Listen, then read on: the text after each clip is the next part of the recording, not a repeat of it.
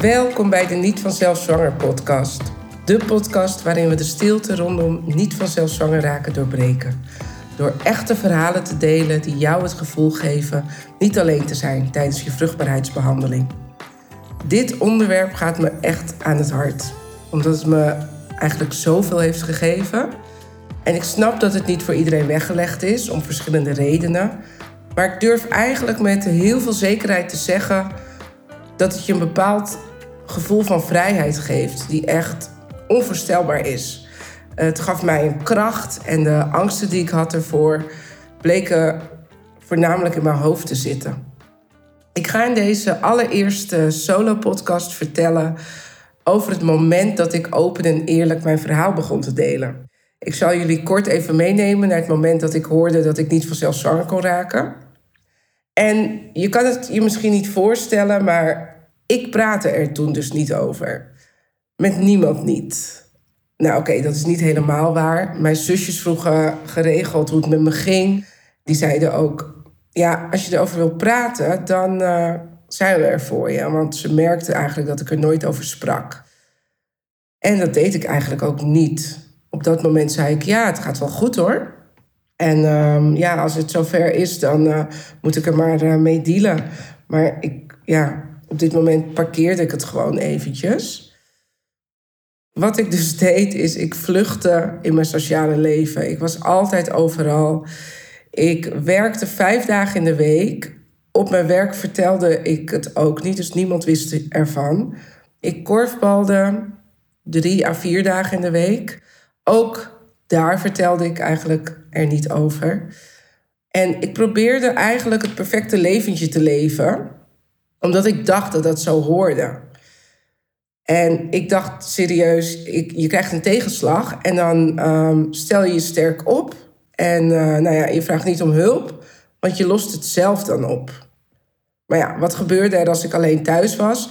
Dan kwam het verdriet op. Als ik onder de douche stond, kwamen de tranen. Als ik stond te koken, werd ik boos. Dat waren momenten waarop uh, gedachten opkwamen, waarin ik me afvroeg of ik überhaupt ooit voor een gezin zou kunnen koken of het me gegund zou worden, hè? dat ik dan een gezin zou hebben. Nou ja, in ieder geval, die verdriet en die boosheid, die waren zo intens dat ik er op dat moment ja, geen tijd voor had. Want mijn werk ging gewoon door, korfbal ging gewoon door. Ik ben de oudste zus, dus dat bracht ook wat verantwoordelijkheden uh, met zich mee, die ik natuurlijk mezelf aan uh, deed. Ik was met een opleiding bezig, die moest afgemaakt worden. Dus het beste was om er eigenlijk niet aan te denken, want ik had er geen tijd voor. Dus ik ging veel uit, veel uh, afspreken. Nou ja, je kent het wel, Amsterdams leven, drank, drugs, festivals, terrasjes, van hot naar her, fietsen. Altijd op acht plekken tegelijk zijn. Te veel afspraken op een dag om om 12 uur s'nachts uitgeteld in je bed te liggen. 7 uur ging je wekker, dus dan hoefde je alleen maar te slapen. En dan werd je weer wakker en dan kon je weer de deur uit. Tot er een moment kwam, en dat was in april 2016, dat ik uh, ja, tussen haakjes ziek thuis kwam te zitten. Ik had een, uh, een weekend achter de rug en uh, nou, een heftig weekend. En op maandag was ik helemaal kapot en ik kon niet meer. En ik belde mijn werk op en ik meldde me ziek voor de zoveelste keer in die periode. En ik maakte een afspraak bij de huisarts op die donderdag om naar de huisarts toe te gaan. En ik kwam daar binnen en zei: Ja, ik heb een uh, vitamine D tekort. Ik heb het opgezocht op internet. Ik ben de laatste tijd heel erg moe. Ik ben vaak ziek. Ja, het, ik heb het, is vitamine D. Dus de huisarts, die, uh, nou, ik weet het nog precies, hij leunde achterover. En hij zei tegen mij: Oké, dus je zegt dat je moe bent. Ehm, als ik naar je kijk, zie ik een jonge, gezonde meid zitten. Ik ben wel heel erg benieuwd uh, wat jij dan allemaal doet in je dagelijks leven. Nou, ik vertellen, korfbal, sociaal leven, familie, nou, noem maar op. En die huisarts zei, is het niet een beetje erg veel? Ik, als jij mij dit nu allemaal vertelt, heb ik heel erg het gevoel dat je het leven van twee personen in één hebt gepropt. En ik kijk hem aan en ik begin keihard te huilen. En ik zeg, ja, ik weet ook eigenlijk niet wat ik allemaal doe. En uh, ik sta op een soort van automatische piloot. En ik heb het gevoel dat ik van alles moet, maar eigenlijk trek ik het allemaal niet meer. En ik heb daar, denk ik, tien minuten zitten huilen. En ehm, hij zei, nou, ik ga één ding tegen je zeggen. Het beste is wat jij zo meteen gaat doen. Je gaat naar huis en je gaat maandag, je gaat rustig aandoen. Je gaat lekker naar je moeder toe. En je gaat maandag ga je je werk bellen. Je gaat je korfbal bellen. Je gaat je vrienden, je zussen, familie, ga je ook bellen of een berichtje sturen. Het maakt niet uit wat je doet. Doe wat jij goed vindt voelen. En je gaat zeggen dat het niet goed gaat met je. En dat je tijd voor jezelf nodig hebt. En dat je dus voorlopig even niet komt of niet aanwezig bent. Ja. En zo ging ik dus naar huis toe. Met dat advies. Het was zo moeilijk voor mij. Want ik ben iemand die altijd voor iedereen wil rennen, vliegen, helpen. En nu moest ik voor mezelf kiezen. Wat ik eigenlijk een hele lange tijd niet had gedaan. Dus ik zat um, uiteindelijk drie maanden thuis. Ik zou voor de zomervakantie weer beginnen en starten. En in die drie maanden heb ik geleerd om ja, met mezelf bezig te zijn. In plaats van met de externe dingen bezig te zijn. Terug te gaan naar uh, mijn interne zelf. Van wat wil ik nou? Wat vind ik belangrijk? Waar ben ik over mijn grenzen gegaan? Dus ik ging aan de slag met een coach. Ik heb daar heel veel geleerd bij die coach. Ik ben tot heel veel inzichten gekomen.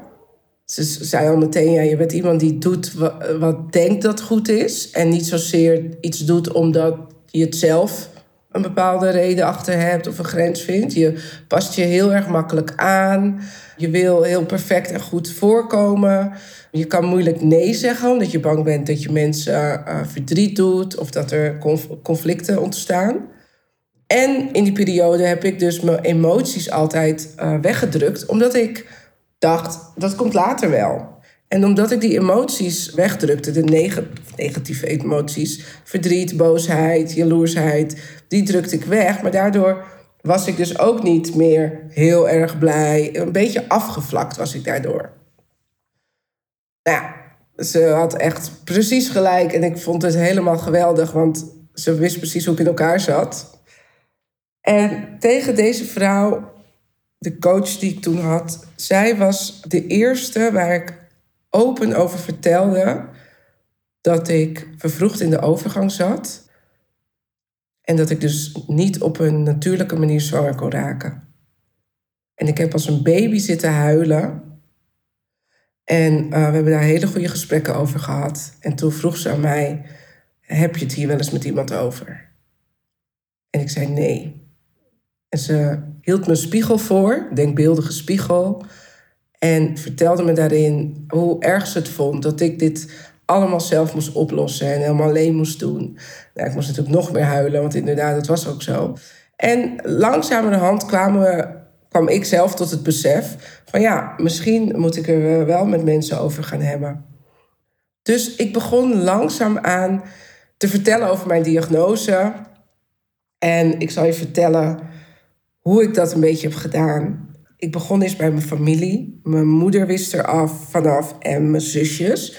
Maar mijn tante, die eigenlijk ook heel dicht bij mij staat, die had ik het nog helemaal niet verteld. Ik kon het gewoon nog niet. Dus ik begon bij haar. Ja, de reactie daarop was gewoon heel erg lief. Ik moest weer huilen natuurlijk. Maar ik merkte dus dat het helemaal niet zo, dat mensen helemaal niet een oordeel over me hadden of iets van mij vonden. En dat het dus eigenlijk de dingen die ik zelf vond, dus dat ik um, niet goed genoeg was of dat ik vrouw zijn, uh, ja, dat, dat ik dus minder, een mindere vrouw was, dat die dingen in mijn hoofd zaten en dat dat mijn overtuigingen waren. Nou, na mijn familie, wat eigenlijk heel bevrijdend was, want op verjaardagen of als ik bij iemand langs ging, een tante, dan werd er niet gezegd van nou Daf, en jij, en wanneer ben jij aan de beurt? Want ze wisten het gewoon. En er werd soms wel gevraagd: hoe gaat het met je nu? En uh, wat zijn de vooruitzichten daarvan? En, en dat brengt je tot zoveel mooiere gesprekken dan dat je daar zit terwijl je niet zo goed weet. Um, dus niemand weet het, alleen jij weet het. Het is een soort van burden die je bij je draagt. Wat echt helemaal niet fijn is. Nou, langzamerhand ben ik dus dan ook mijn vrienden gaan inlichten. En dat zijn de vriendinnen die dan dicht bij me staan. En ik kan daar wel een voorbeeld van geven. Want ik herinner me nog goed dat ik mijn vriendinnengroep, vijf vriendinnen, we noemen elkaar de Magic Five. En uh, we zijn allemaal rond dezelfde tijd in Amsterdam komen wonen. En ik herinner me nog dat we met elkaar gingen eten en dat ik het aan hun ging vertellen. En zodra ik het vertelde, stond er één op die begon me te knuffelen. De ander die aaide me over mijn rug. En iedereen, al mijn vriendinnen, schoven uh, naar me toe. En uh, ja, ik moest heel erg huilen. Ik werd heel erg emotioneel. Maar ik kreeg de allerliefste reacties. En ze waren heel blij dat ik het ze vertelde. En dat ze dat nu ook wisten. Uh, daarna hebben we weet je, een gesprek gehad over... Nou ja, ja, mooi dat je dit vertelt, Daf. En we snappen nu ook beter waar je, weet je, waar je soms mee dealt. Want ze merkte natuurlijk ook wel dingen bij me. Maar ja, ik was ook Daphne. En ik uh, was ook altijd iemand die altijd zei... nee hoor, gaat hartstikke goed. En uh, hup, en weer door. Nou, en ik kan me ook nog goed herinneren dat ik heel erg uh, moest huilen. En dat een vriendin van mij toen aan mij vroeg van... nou, en hoe ziet dat er dan uit? En dat ik dat eigenlijk helemaal niet goed kon vertellen. En dat ze toen ook meteen zeiden van... weet je Daf, als je niet wil vertellen nu dan hoeft dat niet, dat komt dan wel. En ik ben toen in mijn eigen tempo, zei ik ook van ja, ik ben nu te emotioneel. Laten we vooral even een wijntje gaan drinken met elkaar. Als ik dan me beter voel, of één op één, of met twee anderen, weet je wel, dat ik dan iets meer erover vertel. Nou ja, in die periode kreeg ik dus ook uh, hele lieve kaartjes thuis gestuurd. Ik kreeg zelfs bloemen van vriendinnen. Het was zo emotioneel en er ontstond een wereld waarvan ik zelf nooit had gedacht dat die er was. Omdat ik dat eigenlijk in mijn eigen hoofd had bedacht. Van mensen vinden dit raar, ik ben nog zo jong, wat zullen ze wel niet vinden? En doordat ik dus beetje bij beetje, zeg maar, het uitbreiden, kon ik er ook steeds makkelijker iets over zeggen en erover praten ik merkte dat ik het gewoon, dat het me enorm hielp om het zelf ook te verwerken en om het iets van mij te maken en niet iets dat eigenlijk niet van mij was. Want ik was vervroegd in de overgang en ik kon niet vanzelf zwanger raken. En door dat te vertellen aan mensen, werd het ook iets van mij. En vond ik het minder erg of minder raar. Nou ja, misschien is het ook herkenbaar voor je dat als, er, als je iets vertelt en je vertelt het een aantal keer aan verschillende mensen, dan wordt het een soort van bekend riedeltje.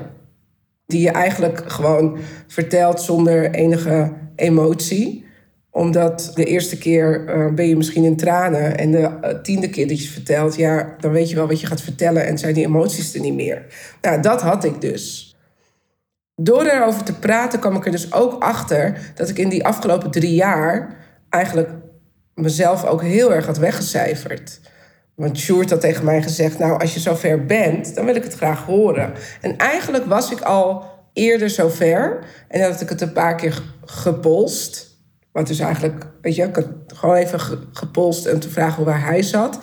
En hij zat er nog niet, dus toen dacht ik: oh, Oké, nee, dan, uh, dan uh, wacht ik nog even. En dat was ook met uh, bijvoorbeeld mijn zus, die de ijsseldonatie moest doen. Die was ook haar gezinnetje aan het stichten.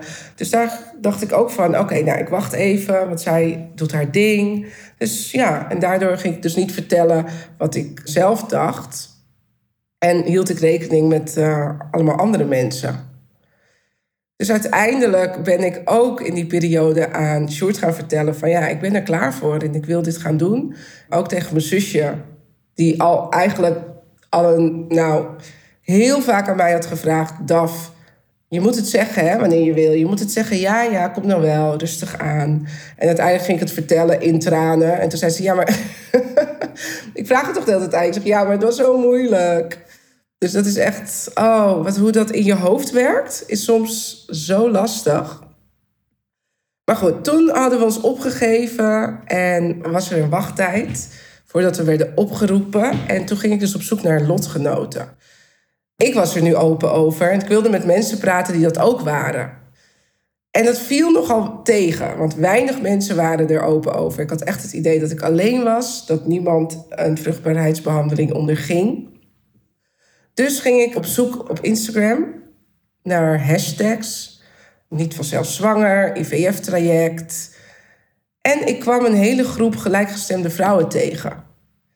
Heel veel vrouwen deelden anoniem, maar ze deelden wel over hun ervaring met de afspraken, met de artsen, uh, met de emoties die opkwamen. Er werden onderling bijeenkomsten georganiseerd. Er waren wensmama swaps. Voor de in-crowds weet je precies wat ik bedoel. Mensen waren aardig tegen elkaar, spraken motiverende woordjes naar elkaar toe, wensten elkaar geluk, stuurden hartjes als um, een terugplaatsing verkeerd was gegaan. En een aantal vrouwen die ik toen heb ontmoet, die spreek ik nu nog steeds. En ik zie dat die groep constant in beweging is. Want er komen steeds vrouwen bij. Er gaan ook vrouwen af die uiteindelijk moeder zijn geworden. En ik zie dus dat er steeds meer vrouwen open zijn over hun behandeling en diagnose. En dat ze dus eigenlijk awareness willen creëren en erover willen praten, omdat ze andere vrouwen willen helpen. En ik wil heel graag naar een wereld toe waarin iedereen zich veilig genoeg voelt om haar verhaal te kunnen delen. En met iedereen bedoel ik alle vrouwen uit verschillende culturen. We zijn nu eenmaal een divers land. En hoe mooi is het als je je ook kunt identificeren met ehm, een andere vrouw die op jou lijkt.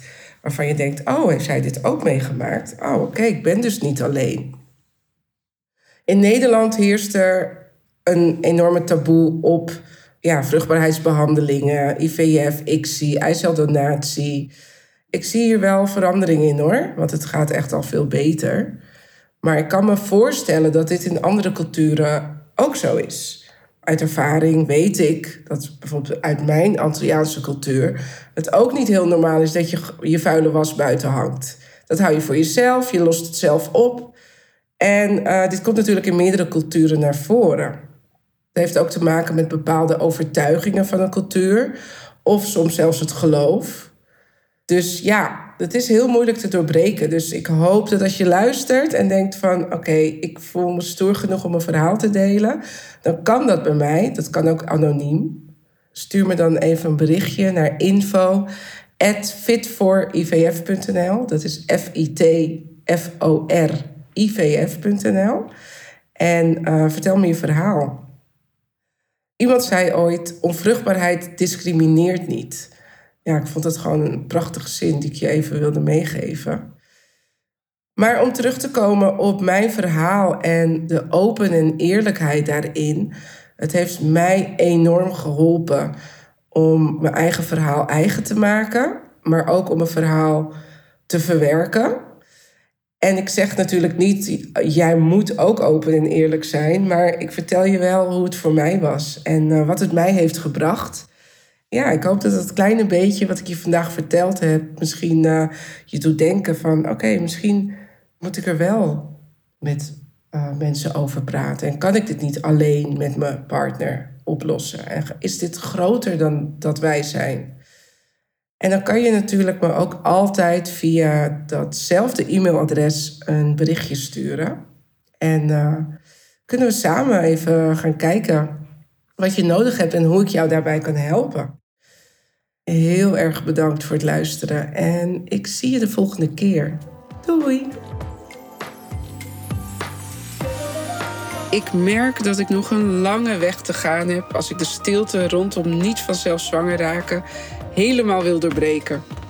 Er heerst nog altijd een taboe op het praten over vruchtbaarheidsproblemen. En daarom heb ik jouw hulp nodig. Wil je samen met mij de stilte doorbreken? Vergeet dan niet te abonneren op deze podcast. Ga in je podcast-app naar de Fit for IVF Niet vanzelf zwanger podcast en klik op abonneren. Zo ontvang je automatisch een bericht als ik weer een podcastaflevering heb gepubliceerd. En om nog meer vrouwen en mannen, die zijn zeker ook meer dan welkom, te bereiken, zou ik het heel tof vinden als je een review achterlaat. En deze podcast deelt met iedereen waarvan je denkt, die kan dit goed gebruiken.